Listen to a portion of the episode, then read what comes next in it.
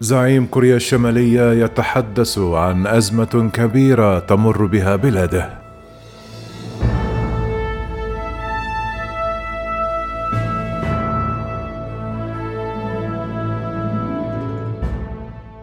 وصف الزعيم الكوري الشمالي كيم جونغ أونغ تفشي أول موجة كورونا في كوريا الشمالية بالكارثة الكبيرة حيث تم الإبلاغ عن وفاة قرابة 37 شخصا.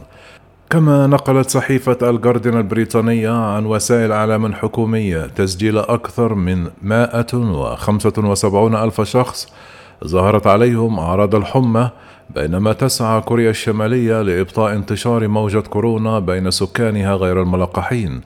أعلنت السلطات في كوريا الشمالية السبت أن 27 شخصا قد توفوا وأصيب أكثر من 524 ألف بالمرض وسط انتشار سريع للحمى منذ أواخر إبريل الماضي. وقالت أن نحو 280 ألف شخصا ما زالوا في الحجر الصحي. يوم الجمعة وحده أصيب أكثر من 175 ألف شخص تعافى منهم قرابة 80 ألف على الأقل وتوفي 21 على مستوى البلاد حسب ما ذكرت الوكالة الرسمية الكورية الشمالية.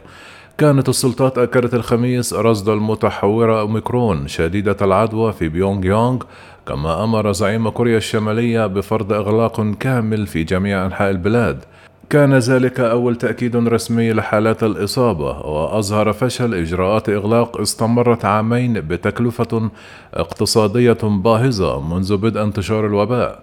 أفادت وكالة الأنباء الرسمية أن إجمالي عدد الأشخاص المصابين بحمى منذ أواخر إبريل حتى الثالث عشر من مايو قد تجاوز 524500 مع وفاة 27 في المجموع. لم يحدد التقرير ما إذا كانت حالات الإصابة والوفيات الجديدة مرتبطة بكوفيد 19 لكن الخبراء يقولون أن البلاد ستواجه صعوبة بالغة في إجراء اختبارات وفحوص على هذا النطاق. خلال اجتماع بشأن استراتيجيات مكافحة الفيروسات وصف زعيم كوريا الشمالية تفشي المرض بأنه اضطراب كبير تاريخي. دعا إلى الوحدة بين الحكومة والشعب لمكافحته في أسرع وقت ممكن.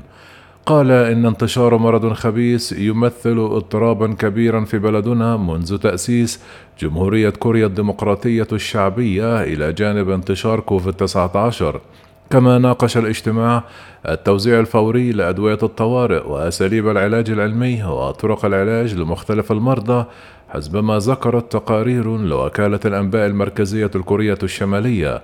وفقا للتقرير قال زعيم كوريا الشمالية أنه يؤمن بقدرة بلده للتغلب على هذا المرض الخبيث المعدي في أقصر فترة ممكنة.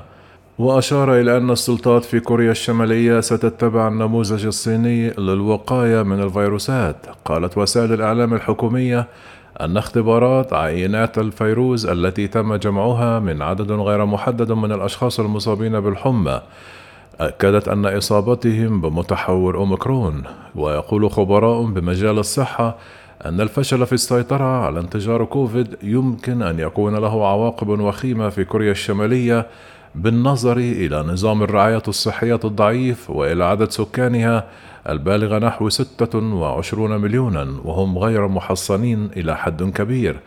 كانت كوريا الشمالية رفضت سابقا عروضا من الصين للقاحات مضادة لكوفيد 19 وكذلك من منصة كوفاكس التي تشرف عليها منظمة الصحة الدولية.